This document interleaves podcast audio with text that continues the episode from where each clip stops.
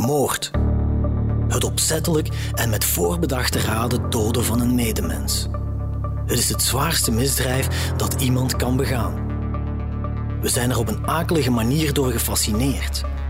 Hoeveel romans, films en andere verhalen behandelen dit duistere thema? Helaas is moord niet altijd fictie. Integendeel.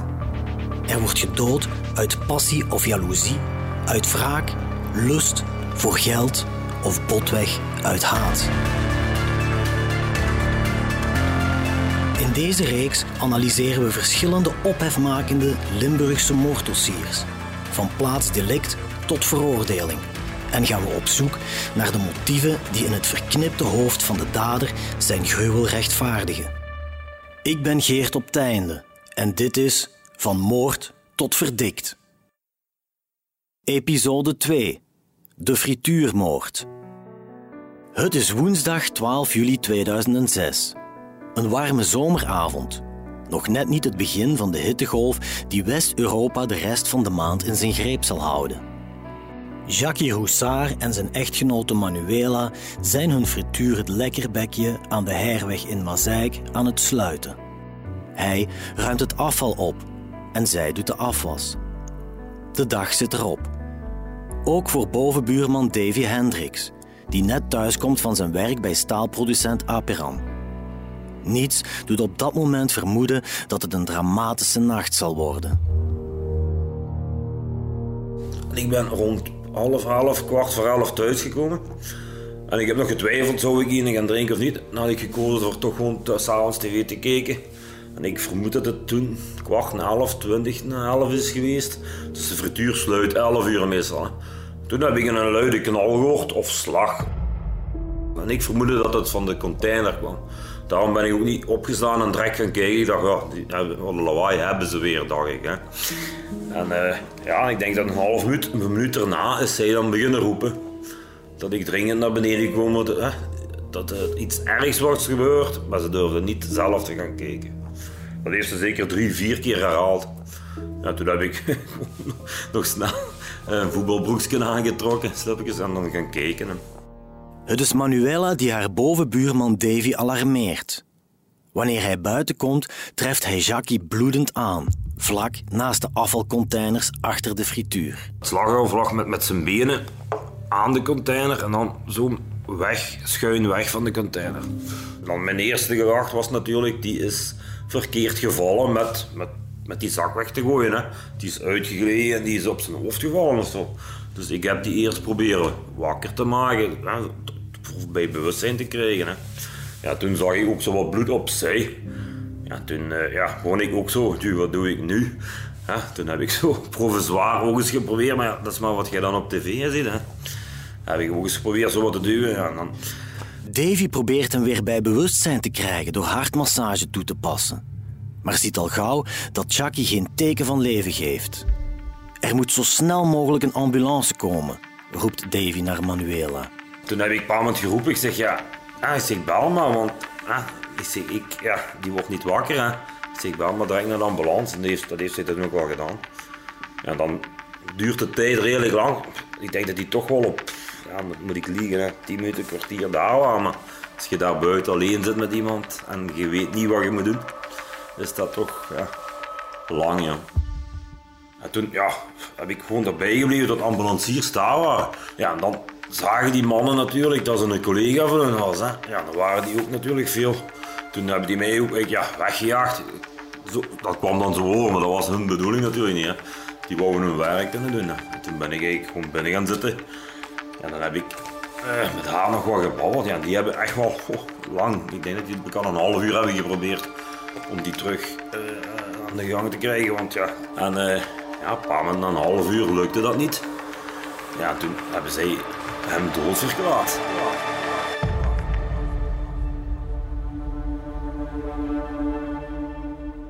Hoewel de ambulanciers hun uiterste best doen om hun collega Jackie te redden, kan er geen hulp meer baten.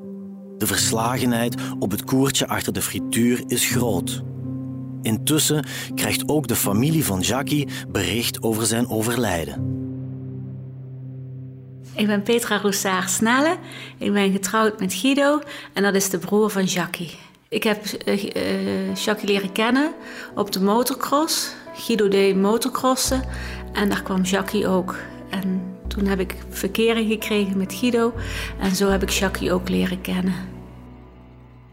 Op de avond waren wij gewoon thuis en we lagen al in bed. Toen belde Freddy, de oudste broer van Jackie, dat Guido zo snel mogelijk naar uh, Bels moest komen. Maar toen wisten we nog helemaal niks. Omdat ik zonderdaags wel moest gaan werken, is Guido alleen gegaan. En die is morgens teruggekomen met, met het antwoord dat, ja, dat Jackie overleden was.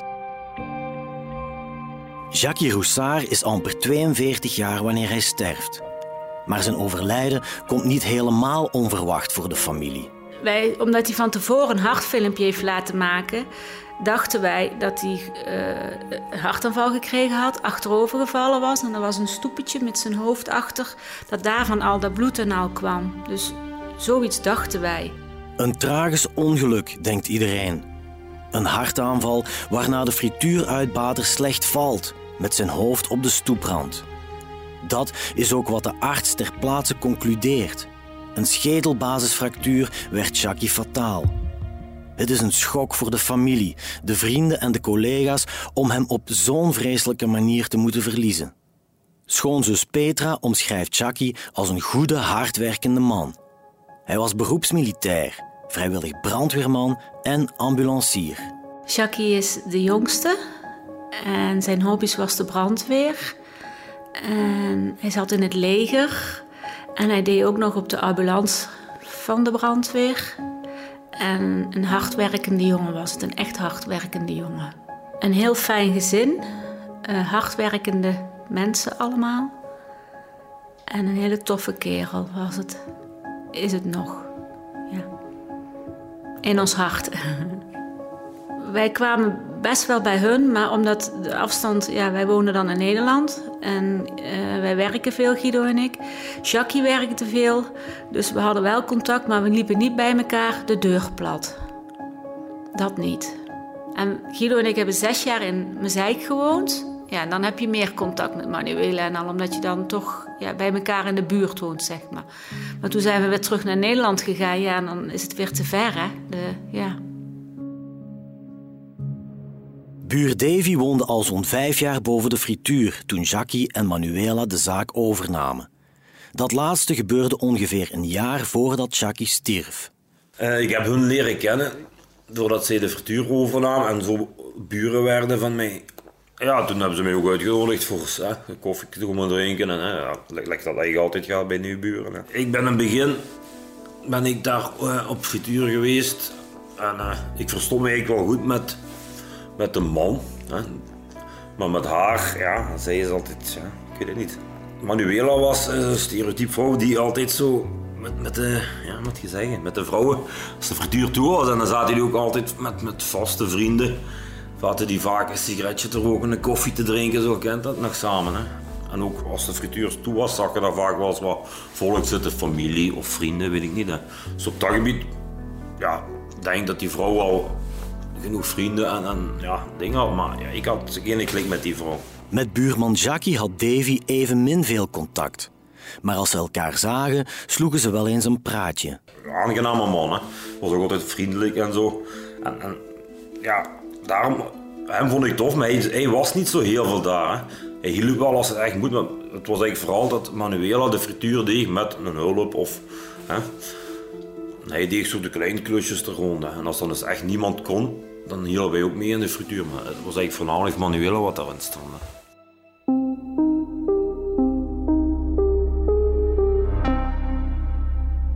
Niemand heeft een slecht woord voor Jackie.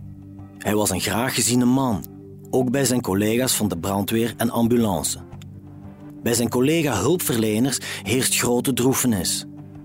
Na het spijtige ongeval en het plotse overlijden van een kameraad besluiten de ambulanciers hem mee te nemen naar het ziekenhuis, in plaats van dat de begrafenisondernemer de overledene komt ophalen.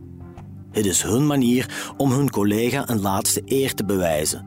Vertellen schoonzus Petra en Marijke Zimmerman, de advocaten van de familie Roussard. Omdat Jackie ehm, bij de brandweer en de ziekenwagen werkt, hebben die mensen gedacht: dat gaan we niet voor de familie doen. We gaan die naar het ziekenhuis brengen, die wassen we mooi proper.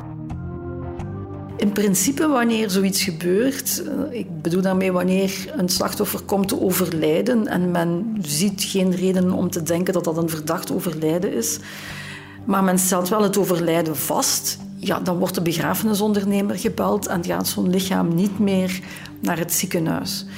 Maar hier eh, was het toevallig zo dat de hulpdiensten die ter plaatse zijn gekomen, de ambulance, dat waren eigenlijk collega's van, van Jackie.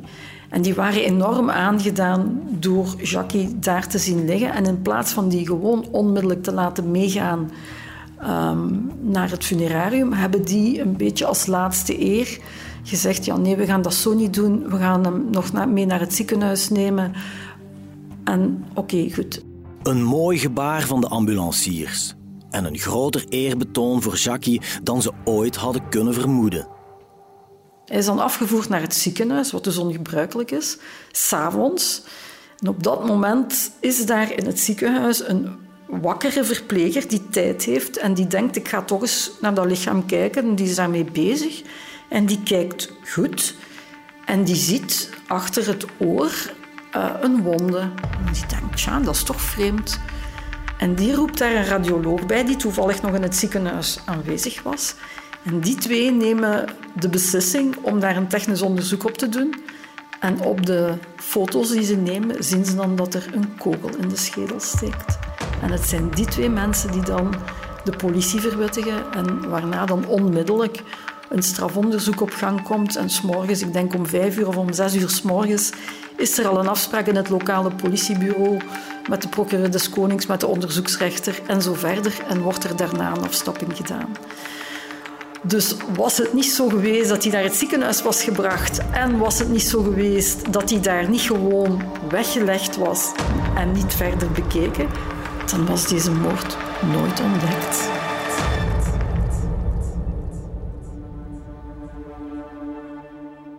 Die man zijn we wel heel erg dankbaar, die verpleger die dat daar... Uh, ja, maar ook die mensen in de ziekenwagen, want die hebben het bedacht om hem naar het ziekenhuis te brengen. Dus door die mensen zijn we eigenlijk ja, heel, heel dankbaar. Ja. Plots is het geen spijtig ongeval meer. Jackie kreeg geen hartaanval, waarna hij slecht neerkwam. Hij werd van dichtbij neergeschoten. Een misdrijf dat slechts door een reeks toevalligheden ontdekt kon worden. De politie moet schakelen en opent een moordonderzoek. Voor de familie Roussard is het een zware klap, zo vertelt Petra. Ja, op dat moment gaat de grond onder je voeten weg. Want wie wil nu Jackie vermoorden? Die werkt alleen maar hard, is goed voor zijn kind, is goed voor zijn vrouw. Dus je snapt het gewoon niet. De wereld stopt eventjes. Ondanks dat langs je overal doordraait, de wereld stopt. En dan ga je van alles in je hoofd halen. En, en, en de politie gaat, uh, of de recherche gaat onderzoek doen. En er komen van allerlei scenario's naar boven. En dan denk ik dat kan niet of dat kan niet. Het houdt op, je bent Shaki kwijt. Maar als je dan ziet hoeveel verdriet de familie heeft en, en de manier waarop. Ja, de wereld stopt dan gewoon. De, ja, die kan het gewoon niet beseffen. En ik denk de reden waarom dat we dat nooit gaan beseffen. Dat, dat, dat is gewoon, ja, snap je niet. Ook bij bovenbuur Davy komt de moord zwaar binnen. In de weken na de feiten bekruipt hem het akelige gevoel dat er overal, op de meest vreemde plaatsen, mensen naar hem zitten te staren. Dus als ik in bel lag vanuit het raam, dat is de ene grote boom. Ja, echt, je zag constant naar die takken. Ja, je dacht dat, keek je weer eens, hè, dat, dat ik met momenten zelfs uit mijn bed opstond. Hè. Dus dat je dan bam, zit hij nu te kijken in de boom naar je, of wat, dat dacht je dan. Hè. Of dat je s'morgens, was je misschien, begin dacht ik, ja, ik ben niet te goed wakker. Dan maakte ik van mijn kleren altijd, zoals iemand op die stoel zat. Ik had in de stoel langs mijn bed staan waar ik altijd mijn kleren op, opgooide als ik terugkwam. En dan zag ik in die kleren altijd een figuur of iets. Hè. ja, nee, toch. Dat is zo de eerste week. En dan, en normaal was het direct, ja, je moet hulp zoeken. Hè. En ik zeg, nee, ja, nee, ik ben toch geen gek. En, hè.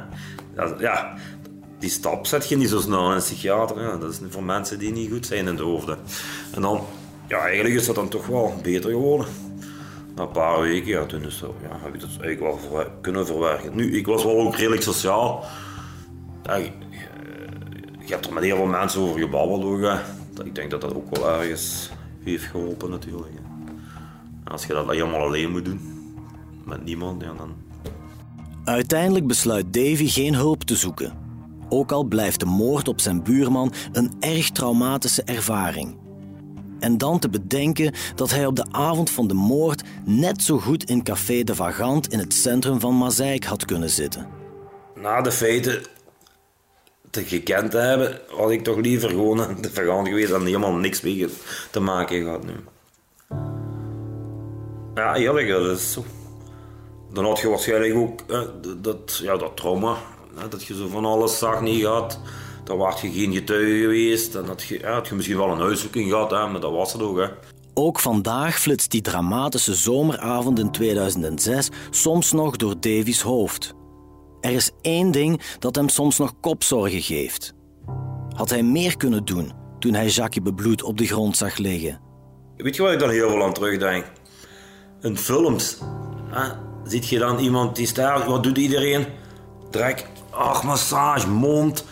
En dat is misschien heel cru gezegd, maar ik kende die man niet. Hè? Uh, ik had echt totaal geen behoefte om dan mond op mond te gaan doen. Wat zo in films wel allemaal binnen wildvreemden doen. De, ja, dat, dan, dan heb, ik heel vaak in mijn eigen, ben ik nu slecht? Hè, waarom? Hè? Zo, dat was wel een heel raar... Ja, ik, ik stelde mijn eigen eigenlijk een, een vraag. Of, of ja, waarom ik hem dat niet heb gedaan mond op mond. Ik heb dan wel hartmassage gegeven, maar niet mond op mond. En dan film zit je dan iedereen dat wel doen. Maar ja, dan een achterhoofdhoudende met een kogel in je hoofd had je toch niet kunnen redden met mond op mond natuurlijk. Maar dat, ja, zo'n dingen begint je dan zo wel aan je eigen. Want hm, je wel een, ja, een goede mens. Dat had je toch wel misschien beter kunnen doen. Of pak dat hij nu echt gevallen was of zo en had hem daarmee in leven kunnen houden, dan, ja, had dat toch veel meer geknaagd. Hè. Natuurlijk valt Davy weinig te verwijten. Jackie had geen schijn van kans. Hij werd koelbloedig vermoord. Eén welgemikt schot. De kogel kostte de frituuruitbater het leven en de schutter kwam er bijna mee weg. Advocaat Marijke Zimmerman is ervan overtuigd dat het eerbetoon van de ambulanciers en de wakkere verpleger in het ziekenhuis de ware toedracht aan het licht brachten. Ik denk niet dat de begrafenisondernemer dat zou ontdekt hebben. Je kunt dan natuurlijk niet volledig uitsluiten dat ook daar eh, ja, men zou gezien hebben dat er toch iets vreemd was. Maar de aard van de verwonding met. Ik, nee, ik denk dat het niet zo ontdekt geweest zijn als hij niet zou zijn afgevoerd naar het ziekenhuis. Maar waarom moest Jackie Roussard dood? En wie vuurde het fatale schot af? Dat hoor je morgen in deel 2 van De Frituurmoord.